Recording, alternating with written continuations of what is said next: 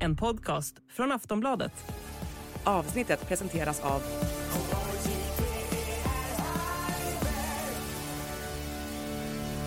Stödlinjen.se, åldersgräns 18 år. Hej och välkomna till Åsiktskorridoren av Aftonbladet Ledare. Idag pratar vi om vindkraftsparker och Bush löften och om varför valanalyser alltid blir så jäkla tråkiga. Podcast från Aftonbladet Ledare.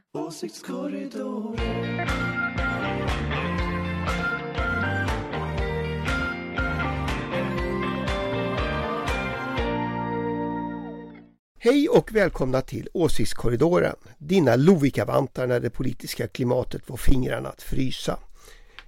Som vanligt har jag med mig några av landets vassaste betraktare av det politiska skeendet.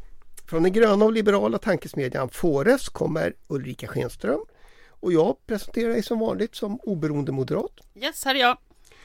Eh, Från Aftonbladets oberoende socialdemokratiska ledarredaktion Linus Glanselius. Det är första gången du är här. Jajamensan, hallå hallå. Och dessutom eh, chefen för samma oberoende socialdemokratiska ledarredaktion Aftonbladets politiska chefredaktör Anders Lindberg. Hallå hallå! Själv heter jag ju Ingvar Persson och skriver till vardags ledare i Aftonbladet. Men i den här podden är det min uppgift att ställa frågorna. Och jag tänkte börja direkt. Ulrika, eh, nu har du varit med och skrivit en debattartikel igen. Eh, den handlar om någonting som du kallar för reformgruppen. Äntligen! Vad ska det bli? Liberala, borgerliga, långsiktiga strukturella reformer. Och hur ska det gå till? Ja, vi har fyra arbetsgrupper då. Jag ska ta fram här så att jag inte säger någonting som är fel. Men det är fyra arbetsgrupper som eh, kommer att titta på bland annat då som sagt utbildning, rättsstat, eh, klimat och ehm, den tredje är... Integration skulle jag gissa. Ja, precis! Va, vad ska du göra när reformisterna stämmer dig för varumärkesintrång? Du tänker så. Ja, vi får väl diskutera det då så får jag byta namn då i så fall. Men ordet reform finns ju i alla fall med. Nej, men jag har ju nu samlat eh, de här eh, borgerliga eh, politikerna, unga. Så det är Douglas Thor som är ordförande för MUF. Det är Linnea Dubois som är förbundsordförande för Fria Moderata Studentförbundet där jag har min bakgrund. Eh, Erik Berg som är ordförande i LUF. Klara Falkenek från Fria Moderata Studentförbundet, Ida Hagren från Centerstudenter, Nora Karlsson från Centerstudenter och sen Viktor Karlsson från LUF och sen Linda Obmetski som kommer från MUF och sen Elin Oskarsson från Liberala Studenter och sen har vi Caroline von Seth som kommer från SUF och sen har vi Elin Venhålen som kommer från SUF och så Erik Wahlström som faktiskt är från Grön Ungdom och Jakob Velander som är från LUF. Ja. Mhm. Men, men eh, är det här någon sorts eh, juniorliga för Alliansen? Ja, jag vet inte riktigt. Alltså, jag har ju tjatat om reformer och det är klart att om jag kommer från en, om jag är en alliansflicka så är det klart att jag tycker att det är roligt att samla sådana som, jag har ju gjort det här hela mitt liv sedan början på 90-talet så att jag bara fortsätter göra samma sak som alltid. Vi, eh, vi får väl eh, räkna med rapporter. Ja, det kommer rapporter och jag kan berätta om de här och Ja. de kör under hela 2023 så det finns ingen man måste inte liksom leverera till Almedalen eller så utan man levererar under 2023 så får vi se vad som kommer fram. Det ska bli jättespännande. Innan framtiden i alla fall. Innan framtiden, ja precis. Mm. Utmärkt. Eh, jag tänkte vi, vi har ett långt schema här och jag, det brukar ju liksom alltid bli svårt att, att hålla tiden. Jag ska göra mitt bästa den här gången. Eh, sedan den danska högerprovokatören Rasmus Paludan eldade upp en koran har det utbrutit en fejd mellan statsministern och Sverigedemokraterna. Speciellt justitieutskottets ordförande Richard Jomshof. Kristersson sa i förra veckan att Jomshof försvårar dialogen med Turkiet och det är väl nästan det skarpaste han kan säga. Eh, ser vi tecken på ett riktig spricka i regeringsunderlaget Linus? Det måste väl vara det första riktiga tecknet på att en spricka kan uppstå. Jag har tyckt att eh, det känns som att eh, på vänsterkanten varit lite väl lätt att kasta skit på, på regeringen och med någon sorts önsketänkande om att det här kan inte hålla, det här kommer, det här kommer spricka. Men det här är väl första antydan till att en spricka skulle kunna uppstå. Men det är nog för tidigt att säga att det, det faktiskt är en spricka. Det var försiktigt. Tänker inte du vara Anders? Ja, jag vet ju inte om det är en spricka eller om det är teater men men, men i grund och botten så är ju alltså den här typen av offentlig rasism som, som, som eh, vi såg här med koranbränning och sådär Den är ju inte den borde ju inte rimligen accepteras av, av, av den här regeringen. Jag, alltså jag fattar att de är beroende av, av Sverigedemokraternas röster och så vidare. Men det här går så långt över alla gränser. När det finns liksom direkt kopplingar till SDs liksom partimedier och så till en sån här händelse. Att jag skulle säga att de måste reagera. Sen så vet jag inte om de vågar liksom reagera hur långt de kommer att våga gå, det får vi se. Men, men jag menar, Jomshof har ju sagt att de ska bränna hundra koraner till om någon blir sur för att man bränner koranen. Så att det har ju helt spårat liksom. Och det där kommer ju att tolkas som en marschorder av vissa av deras liksom, stödtrupper. Så risken är väl att vi får se mer sådana saker liksom. Jag skrev ju en debattartikel tillsammans med några andra i förra veckan också. Mm.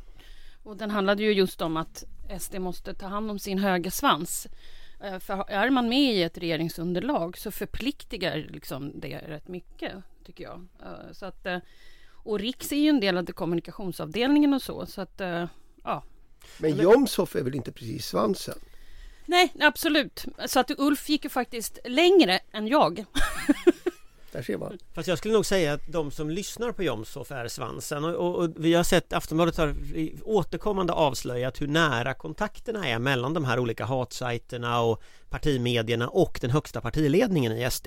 Så när Jomshof säger en sån sak som bränn hundra koraner till då är det någonting som ska tas på yttersta allvar för då Absolut. betyder det att det finns en massa människor där ute som i varierande grad kanske inte heller mår bra alla gånger i deras eh, kommentarsfält som också kan gå från ord till handling. Och vi vet att den högerextrema rörelsen har ganska nära till våld. Så att, så att det är ingen le lek liksom så va? Och sen så, eh, jag var mot att bränna koraner innan eh, Turkiet liksom eh, eh bröt NATO-processen på grund av det. Men det går ju inte att komma från att den som gillar det Jomshof säger, den som gillar det Paludan gör, det är Vladimir Putin. Och det går ju inte att komma ifrån nu när liksom hela processen bara havererar här liksom. Linus? Ja, men jag skulle säga att det är ju, det är ju med berått mod Ulf Kristersson har bildat en regering som är beroende av Sverigedemokraterna. Detta visste de om skulle ske redan innan. Den här typen av eh, sabotage är ju någonting man får kontera redan innan. Detta är någonting som Ulf Kristersson måste ha räknat med ska kunna ske redan innan han väljer att bygga hela sin regering på Sverigedemokraterna. För mig handlar det snarare om tvärtom. Hur långt är Sverigedemokraterna villiga att dra det här innan de hoppar av skeppet och byter taktik? Det är väl en fråga vi lär få återkomma till. Det tror jag. Mm. Eh, ett helt annat ämne. I förra veckan presenterade Socialdemokratiska partiet sin analys av valet. En framgång kan man väl sammanfatta deras slutsatser. Eh, Socialdemokraterna kommer också fram till att partiet behöver ha svar på stora systemfrågor som till exempel hur problemet med avregleringar av apotek och bilprovning ska lösas. Varför blir partiernas valanalyser så förutsägbara Ulrika? Därför att man inte vill ha en dålig mediebild. Jag tycker att det vore bättre att man hade lite mer självinsikt liksom, att allting är inte perfekt och att man kanske ska kritisera sig själv än mer än man gör. Jag har ju suttit med i en sån där valutvärdering och jag är ju en sån där självspäkare som gärna sitter och gapar om att det här gjorde vi fel och sådär men det kommer jag aldrig med. Det var inte populärt? Nej, det fick inte komma med. Det bara ströks sen. Så det kan hända att det fanns sådana synpunkter i den socialdemokratiska eh, gruppen också? Det kan det säkert vara, men de tvätt, sen sitter de ju och tvättar det där. Ja, alltså jag, jag, jag har ju läst ganska många sådana där valanalyser tillbaka liksom till, till 90-talets eh, olika valrörelser med början 91 och valförlusten 91 och sen de, de har ju vissa teman ett sådant tema är att man ska politikutveckla och det ska man göra genom att hela partiet ska vara med och, och, det blir liksom alla blir ansvariga och då blir ingen ansvarig och så blir det ingen utveckling. Eh, och, och de här temana går igen också i den här rapporten. Det som jag tycker kanske är mest problematiskt med den här rapporten nu den är ju liksom att, att man man orkar inte dra slutsatser om att man själv har gjort fel. Och där kommer man till det här liksom, mantrat med att man, va, man gick framåt på alla tre nivåer. Eh, Samtidigt förlorade man ju valet. Och där, där finns liksom det här, eh, alltså jätteproblemet i, i att man, man inte berättar för partiet att man förlorade. Och i och med att man inte gör det så kommer det inte att ske någon utveckling. Det är liksom som, och nu med siffror på 37-38 procent som vi ser här betyder ju att ja, men nu gör man ju allt rätt och det jag tror det är att det kommer att ta ett år, två år och sen kommer strålkastarljuset att vändas från en opposition som snubblar över sina egna fötter mot Socialdemokratiska partiet med frågan oh, okej, okay, och vad är ert alternativ då? Du tänkte från en regering som snubblar över sina egna fötter? Ja, förlåt mig, från en regering. Jag är så van att säga att de är opposition. Jag förstod det. Jag är så indoktrinerad i denna världsbild. Nej men att, och, och, och, då, och då sitter liksom, nej men då, då kommer Magdalena Andersson väldigt, och... Väldigt typiskt Anders. Ja, jag vet, men då kommer Magdalena Andersson och, och, och Tobias Baudin och kompani och sitta där och behöva svara på hur ser er allians ut? Har ni fått C och V och prata med varandra? Hur ska ni lösa den här ekonomiska krisen som om två år sannolikt är en recession? Eh, vad ska ni göra istället för välfärden som om två år kommer att ha skurit ner ganska mycket? Eh, och jag är rädd att de inte har några svar i det läget för de har liksom ägnat två år åt att vara glada över att liksom eh, Kristersson trasslar till det för sig. Linus, det är otacksamt att släppas in nu efter två eh, Nej, men man, man, det gäller ju att se vad en valanalys egentligen är. Det är ju den, en förklaringsmodell som är, kan accepteras internt för varför det gick som det gick. Och det är det eh, valanalys går ut på, inte att egentligen förstå varför det gick som gick i valet, utan det är ju en intern politisk produkt snarare än någonting annat. Och det är ju det också problemet om man ska tolka den som att ja, men det innebär vad vi nu ska göra härnäst. För då landar alltid, precis som Anders var inne på, att man ska dra igång en politikutveckling. Vi saknade konkreta svar på en rad frågor. Och det är sällan politikutveckling oavsett om man involverar alla partiföreningar i hela landet oavsett om det är moderat eller om det är socialdemokrat att det skulle vara lösningen utan grunden måste ju vara eh, vad är det för idé vi vill eh, driva igenom? Vad var det vi blev underkända på egentligen? Det var inte på grund av att vi inte hade ett, ett förslag om återförstatligande eller återreglering av bilprovningen som gjorde att vi förlorade det här valet utan det är ju någonting som känns som en okej okay grej att säga eh, efter eh, ett val och det är ju problemet. Men, men om, om det inte är till för att förstå eh, varför valet gick som det gick och inte till för att skapa förutsättningar att gå framåt. Varför gör man de här överhuvudtaget? Alltså, alltså jag, jag tror så här, jag, jag, jag, tror att, att det här är ju valanalyserna från de olika partierna. Vänsterpartiets valanalys, om vi tar den, så, så var det ju Jens Holms fel för att han hade protesterat mot klimatpolitiken. Och det är ju ett sätt att göra för att och, man, och för att folk hade viftat med Ja, och flaggor. folk hade viftat med PKK-flaggor Och det är ju ett sätt att göra det. Man letar syndabock Så det är liksom kan jag säga standardmodell A Därför man gör en valanalys. Man vill ha en syndabock Det blev Jens Holm. Grattis.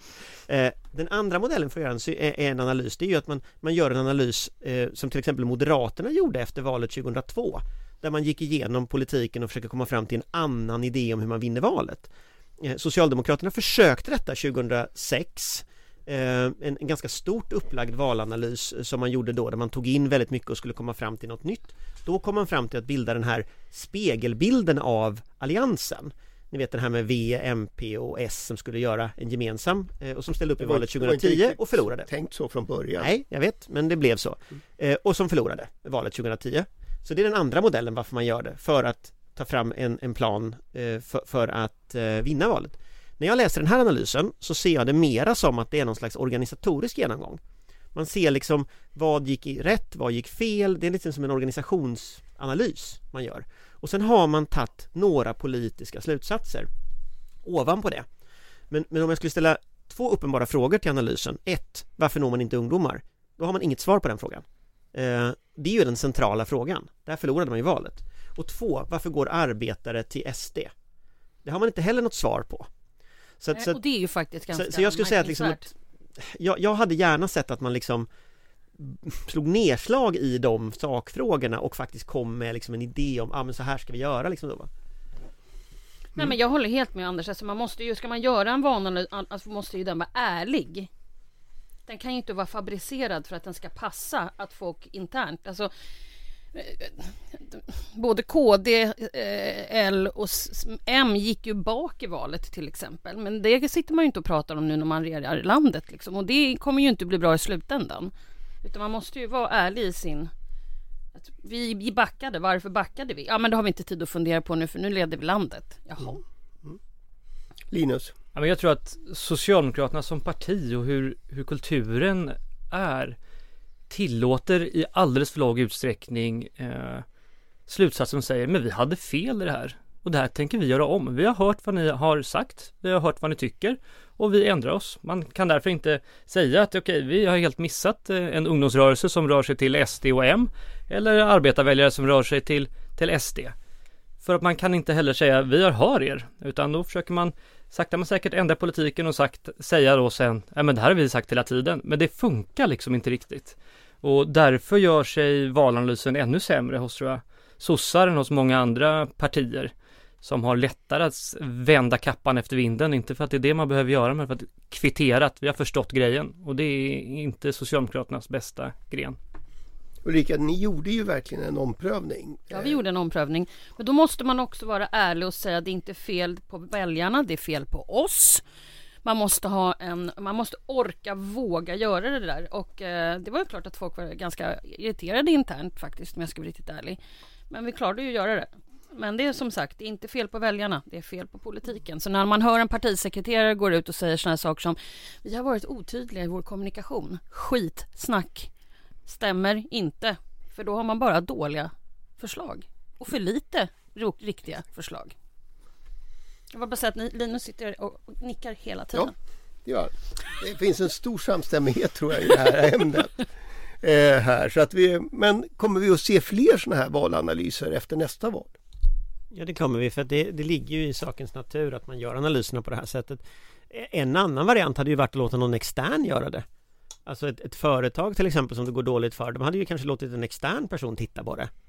Ehm, e, eller en, en, ytterligare variant är ju kanske att man, man gör eh, någon mer offentlig variant Att man liksom offentliggör underlag och sådana här saker som man, som man har haft Men det, det kom, jag tror inte partierna vill det för man vill inte släppa det från ledningen ehm, Men jag tror att Jag tror som jag sa att alltså, det kommer att ta ett par år och sen riktar strålkastaren mot S och så säger man frågan ah, vad har ni gjort då? Och då då kommer de här svaren som vi fick den här veckan, de kommer inte funka. Sen finns det en grej som jag tänkt mycket på i den där analysen som jag tror faktiskt att jag håller med om. Och det är att det de säger är att Magdalena Andersson var den enda tillgången partiet. Hade Det är egentligen det analysen säger. Och, och det där är ju en Det är ju bra För Magdalena Andersson är väldigt bra Men det är också en extrem varningssignal. För ja, vad har lite, alla andra gjort? Det är lite ja, tunt. Vad har alla andra gjort? Vad har alla andra hållit på med? så, så, så, där tycker jag att det finns en poäng eh, Nu vet jag inte om Socialdemokraterna ser detta som ett problem riktigt För de hade ju sådana Magda-kepsar och sånt där Men, men men jag, men jag kan tycka att man borde ställa frågan till alla andra varför inte de är en tillgång. Uh, ja. Men jag tycker också det finns en tendens i eh, den där analysen av att man skyller lite, nästan som Vänsterpartiet gjorde på valnatten när Nooshi gick upp och sa att det var sossarnas fel att de hade gjort sämre val än de trodde att de skulle göra. Mm. Att även i Socialdemokraternas valanalys så, så framstår det som att de andra partierna gick fram och lovade saker de inte kunde göra och det vill inte vi. Därför förlorar vi valet. Och det är också så här, det, så, så resonerar tycker jag en förlorare. Man, det räcker inte som förklaringsmodell så att säga för att det förklara Det var väl inte nästan så att det står så? Det står så, de andra ljög, det var deras fel, okej. Okay. ja. ja, inte så smart. Nej. Hörni, eh, vi kan se fram emot nya sådana här valanalyser eh, om fyra år igen. Eh, det blev om två år igen är det EU-val, eller ett och ett halvt år. Yeah! Den största händelsen 2024 så fick det bli sagt också. Eh, nu, tänkte jag skulle, nu tänkte jag vi skulle prata om energipolitik och Ebba Busch. Eh, I söndags mötte ju ministern industriledare i SVTs Agenda. Eh, och näringslivet kan inte vänta på Buschs eventuella framtida kärnkraftverk utan vill ha snabbare beslut om vindkraft och, och handling nu. Då deklarerade ju Ebba Busch att eh, det här med att, snabba på processerna, det var ett av våra viktigaste vallöften. Eh, har du uppfattat mer vindkraft som ett av Ebba Buschs viktigaste vallöften, Anders? Nej, nej det har jag inte. Men alltså det är väl ingen som har det? Alltså i så fall varit extremt otydlig. Det finns ju ganska många ställen som KD har varit med och överklagat tillstånd för vindkraft eh, som sen inte har blivit Bland annat vill jag minnas att innan valet Det var något stort bråk strax innan i Öckerö va? Var det inte det? Eh, där KD var inblandad i högsta grad till att överklaga och var mycket aktiva och tydliga i debatten om detta mm. Och hon twittrade ju en massa om, vad var det, stålskogar som eh, hon inte ville ha och sådär så att... Som var Miljöpartiet Men alltså jag fattar inte hur många vallöften är det som hur många gånger kan man liksom hitta på saker utan att jo- journalisterna ställer frågor? Mm. Ja, ja, det är väl en, en fråga. Men, men alltså, hur, Som inte har något svar tror Men jag alltså jag förstår inte, för nu har hon ju gjort det så många gånger. Men alltså det roliga är att hon, hittar, hon uppfyller ju inte de vallöften hon har gett och påstår att hon inte har gett dem och sen upplyser, ska hon nu uppfylla vallöften hon absolut inte har gett eftersom Ja, men jag gett vet, men det är ju det motsatsen. jag menar, det är ju jätteknasigt. Ja Men, men det, det kanske är något, något, jag vet inte vad det Men kommer... varför ställer ingen någon fråga? Ja, det är en bra fråga Låt inte så deppig. Ja men jag tycker inte den har något Väldigt, svar Men allvarligt talat, den har ju inget, ja, men det har ju fråga. inget svar Alltså hur kan Ebba Busch hela tiden säga osanningar? Alltså hur, hur går det till? Liksom i, i den staben så här, ja nu ljuger vi ihop om det här liksom Dagens påhitt men, Alltså, men, det, ja, Men, men det är verkligen väldigt, väldigt märkligt. ja, alltså det roliga också, nu är det ett litet parti så de kommer ju undan med mer saker men, men, men som jag minns stora partier så har de problem med att liksom bara blåljuga för folk kommer ihåg det och folk hänger kvar vid det och folk håller på och tjatar om det liksom så. Här verkar det bara försvinna iväg i vinden. men, men om jag får um, wind rollen och, och som den här frågeställaren så, så är väl skamlöshet kan väl vara en ganska bra eh, kvalitet hos en politiker. Jag, jag tycker rätt ofta är det väl de som inte skäms som, som tar sig igenom både det ena och det andra. Hon är lite lik Gudrun Schyman på det sättet. Om ni tänker, kommer ni ihåg Gudrun Schyman? Det var ett tag sedan, men, men hon var ju också väldigt bra på att säga någonting, gå ur ett rum och sen förstod ingen vad hon hade sagt liksom. Eh, Och allting var antagligen fel, men hon kom undan ändå. Det gick alldeles utmärkt. Det Tills det inte gick alldeles utmärkt. det har ju funnits en föregångare till Ebba Busch också på posten som näringsminister. Jag tänker på Björn Rosengren. Eh, ju- han var ju helt magisk. Som ju gick igenom det mesta. Så att, nej men jag, jag bara funderar. Men okej, då, då har vi sagt att det är jättekonstigt att inte journalisterna ställer Följdfrågor. Motfrågor. Jag menar det är ju helt korkat. Ja, och det är jättekonstigt. Rosengren är faktiskt ett ganska bra exempel, för jag kommer ihåg när han åkte runt i Norrbotten och så han skulle bli partidistriktsordförande uppe här för mig. Men han gick runt och lovade saker till alla. Eh, och det påstås ha funnits en tjänsteman på näringsdepartementet som antecknade ner alla vägar och saker Ja, han lovade till människor eh, Bara för att ha med en lista liksom och veta ungefär vad har människan sagt då Och så blev kommunalråden jätteglada överallt runt över landet Men det kom ju inget sen liksom Han blev ju vald. men han blev ju vald och eh, han, eh, ja vad han gjorde sen har jag glömt Men han, han Alltså så, att- så, att, ja absolut det funkar ju som ett Jag undrar om de har en sån tjänsteman som följer Ebba Busch och liksom tar reda på allt Nu hon har har hon sagt som är sagt fel något igen. Och nej, nu har hon sagt något, vad, vad gör Ja, vi nu? vad vi nu, gör vi nu? Men, men får- jag, får jag bara fråga om sakfrågan då? Eh, om vi nu inte hörde det här löftet innan valet men vi har fått det nu efter valet som ett vallöfte. Eh, kommer regeringen att leverera på det? Blir det snabbare tillståndsprocesser och fler vindkraftverk? Ja, det är en väldigt bra fråga. Nästa. Jag skulle säga att det finns två, två dimensioner av den Den ena är den statliga processen Den kan man ju, om man anställer fler byråkrater Så kan man ju snabba upp processer på statlig nivå Så är det ju Och tillståndsprövningen eh, Det finns ju vissa vested interest som är emot här Som till exempel Försvarsmakten som ju har hamnat lite snett i den här frågan och Ja, sådär vad har de gjort? så, men det är väl den ena dimensionen, liksom statligt. Men den andra dimensionen är det kommunala självstyret. Att vill man på allvar bygga ut vindkraftsparker i Sverige så ska man ju upphäva det kommunala självstyret i den delen. Det är ju grundlagsfäst dock. Eh, så det är ju lite svårare. Men om, om jag fick liksom önska i ring så hade jag önskat att det kommunala självstyret eh, inte fick ha liksom det utrymmet för olika nimbys och begränsa utbyggnaden av vindkraften. Eh, för det tror jag liksom skulle kunna spela stor roll med många små. Men sen de här stora ute till havs, där är det naturligtvis staten som måste skärpa sig helt enkelt. Eh, Och där investerar ju andra länder nu. Det är också intressant att se. När Sverige har liksom bromsat utvecklingen, då investerar andra länder i havsbaserad vindkraft eh, väldigt omfattande liksom så. Vi bommar ju en miljöutveckling där. Och kanske en industriutveckling. Ja, och tillväxten hamnar i någon annanstans liksom.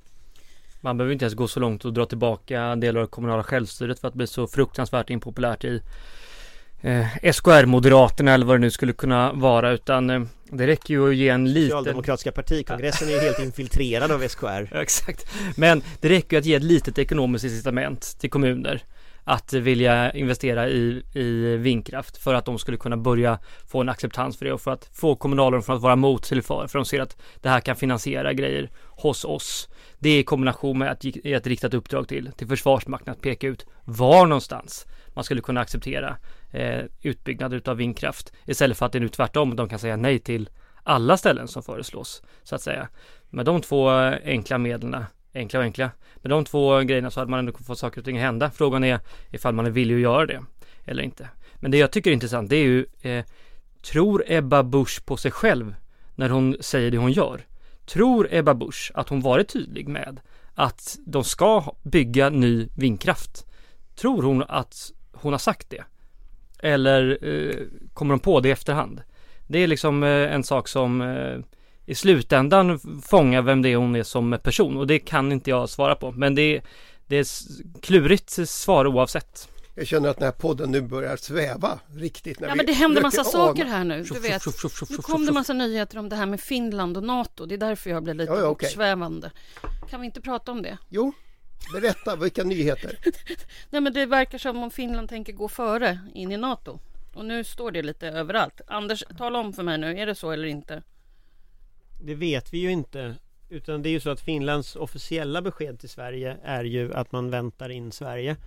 Men sen kan jag ju naturligtvis förstå att det finns en parallell utveckling till detta och det är väl det de här källorna pratar om. Eh, där man också funderar i Finland på vad är plan B om Turkiet lägger in någon form av permanent veto mot Sverige. Eh, och det är väl inte i sig konstigt att det pågår en sån utveckling parallellt med den officiella finska linjen men jag intervjuade ju Havis då i för ett par månader sedan eh, Alltså utrikesministern i Finland eh, Och han eh, Han var ju väldigt tydlig med att Finland och Sverige eh, ska tillsammans göra det här Av säkerhetsskäl, inte bara liksom politics utan Utan därför att Sverige är det strategiska djupet för finska försvaret Vilket det ju också är så att så det är klart att Östersjön är ett gemensamt operationsområde där om man inte har Sverige med blir det jätteknepigt. Men sen är det så, jag menar Turkiet är väl inte riktigt förutsägbara. Eh, så att jag förstår att Finland funderar på någon plan B också. Sen så ser det ju ut som om du kollar opinionsmätningen att, att eh, Havisto ser ju ut att vara mest populär också som, som möjlig framtida president eh, i Finland. Det är i alla fall ett starkt namn till det. Eh, så att det han säger är ju intressant att lyssna på i alla nyanser liksom. Vad har han för instinkter och var, var, var vill han landa liksom eh, Men vi vet väl eh, efter Vi vet väl inom kort skulle jag tro Beroende på vad Turkiet gör. Om, om de öppnar för Finland eller om de väntar till efter valet eller vad de gör. Ja, Sen är det ju en gemensam ansökan ska man inte glömma heller. Så att, så, att, så att, vi har ju sökt tillsammans med Finland utifrån vissa gemensamma ja, förutsättningar. vet, så vet, det är klart att det strular ju till. Men Turkiet har ju inte brytt sig hittills jättemycket om att de strular till saker så att jag vet inte. Du brukar ju peka på på eh, toppmötet eh, i sommar. I Vilnius. Ja, alltså eh, man, man, har ju hittills sagt, eller när man pratar med folk som eh, har någon form av insyn i detta så säger de ju att att fokus ligger på eh, ett inför toppmötet ha diskat av alla frågor. Och eftersom turkiska valet är i maj och toppmötet är, är, är vad heter eh, två månader sen eller en och en halv månad två, två månader senare eh, i juli så, så eh, finns det tid att göra det på. Men om det är så att man hamnar i en situation där toppmötet inte godkänner Sverige och Finland eller Sverige Det är klart att då kastas ju hela NATOs Open Door Policy ut i eh, eh någon slags träskland. Ryssland har vunnit en strategisk jätteseger om de stoppar ett av länderna.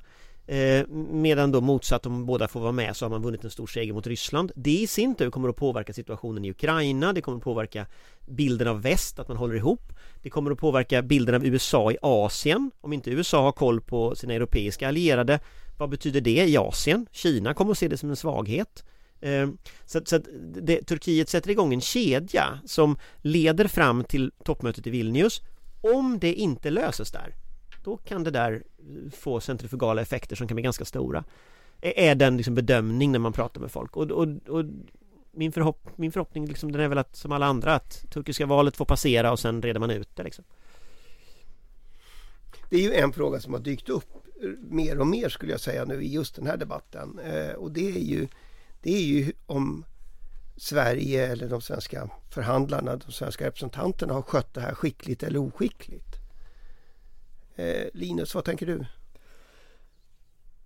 Ja men det tror jag att man har. Eh, man, har skött, man har skött det skickligt till den eh, eh, gränsen att vi har tag, kommit fram till ett dokument, man ska punktat ner massa saker som är, kan vara lite svåra att genomföra, man har börjat genomföra dem men man har också satt sig i en båt tillsammans med Erdogan som eh, går till val. Och detta har man ju varit eh, ganska medveten om. Men regeringsskiftet har ju gjort att det som tecknades ner i Madrid i det här dokumentet eh, kanske kan kvitteras på ett sätt men det kan också omdefinieras och omtolkas. Eh, och det är ju det Erdogan kan göra men det är ju också eh, ett helt annat läge när en regering eh, bygger hela sitt mandat på eh, några som eh, gör sport av att genomföra bokbål på koraner. Mm, men det, då är, exakt, mm. vi är tillbaka där vi var förut. Det är ju precis det som är problemet. Ja.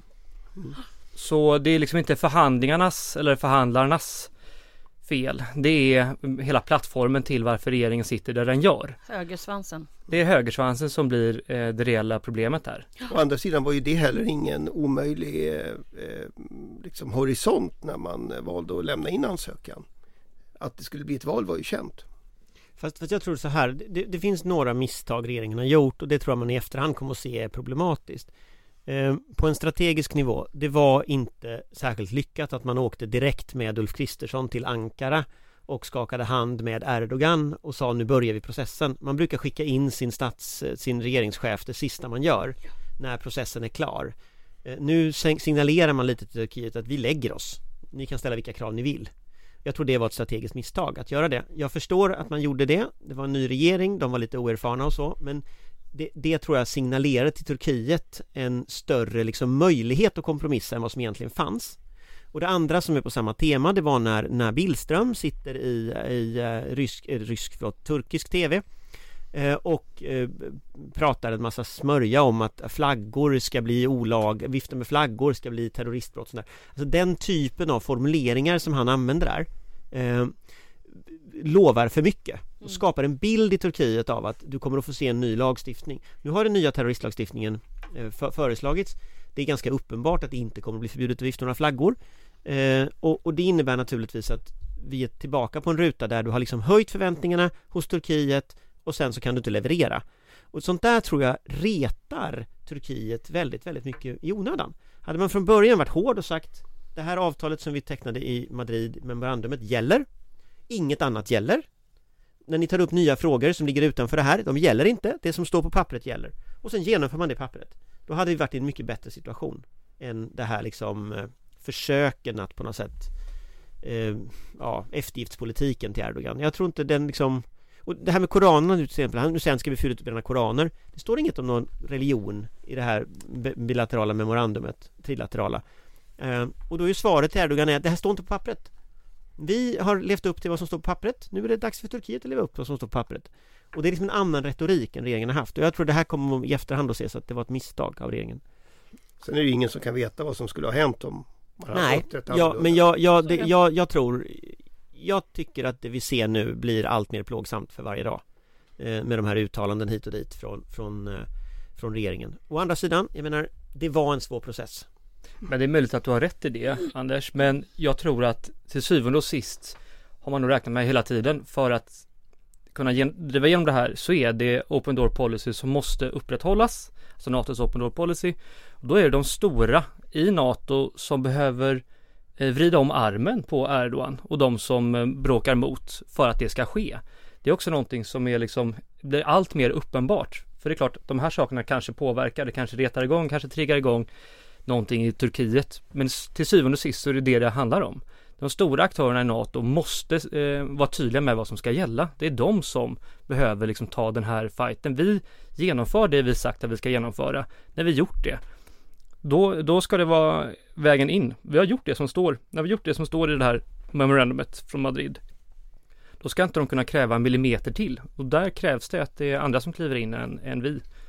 Och där ser vi ju lite grann tecken på det nu från USA till exempel att, man, att det börjar röra sig i den riktningen och sådär men, men, men där, där är det nog, jag ska nog vara ärlig att liksom det är en hemläxa Sverige måste hantera och just det här med i relation till Finland det, det blir knepigt. Alltså går Finland med eh, Sverige inte går med och det här drar ut på tiden då, då kan vi ju hamna i en situation där vi, vårt säkerhetsläge i princip är sämre än innan NATO-ansökan som en konsekvens av Turkiet. Då blir vi den svaga länken i Nordeuropa liksom. Ja, låt oss hålla tummarna för att det här Så går bra. att, eh, nej men det, det, om, om, inte, om det inte löser sig i Vilnius då får det här stora konsekvenser, så är det. Hörrni, eh, jag vill påpeka att det var Ulrika som eh, bjöd in Anders och pratade säkerhetspolitik Jag vet, idag. men jag trodde han bara skulle säga någonting lite kort, men det blev ju liksom... Det- Och vad i din sig- erfarenhet talar för det? Satte sig i hummen igen med den där liksom, Hörrni, det är allt vi hinner idag. Eh, men den politiska föreställningen fortsätter förstås och om en vecka är vi tillbaka. Eh, för mig återstår bara att tacka. Tack Ulrika, tack Linus, eh, tack Anders och ett stort tack till dig som lyssnar. Det är för dig vi gör den här podden. Vi hörs om en vecka. Hej då! Hej hej! hej hej! En podcast från Aftonbladet Ledare.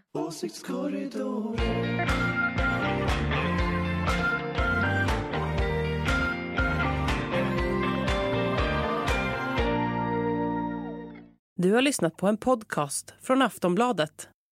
Ansvarig utgivare är Lena K Samuelsson.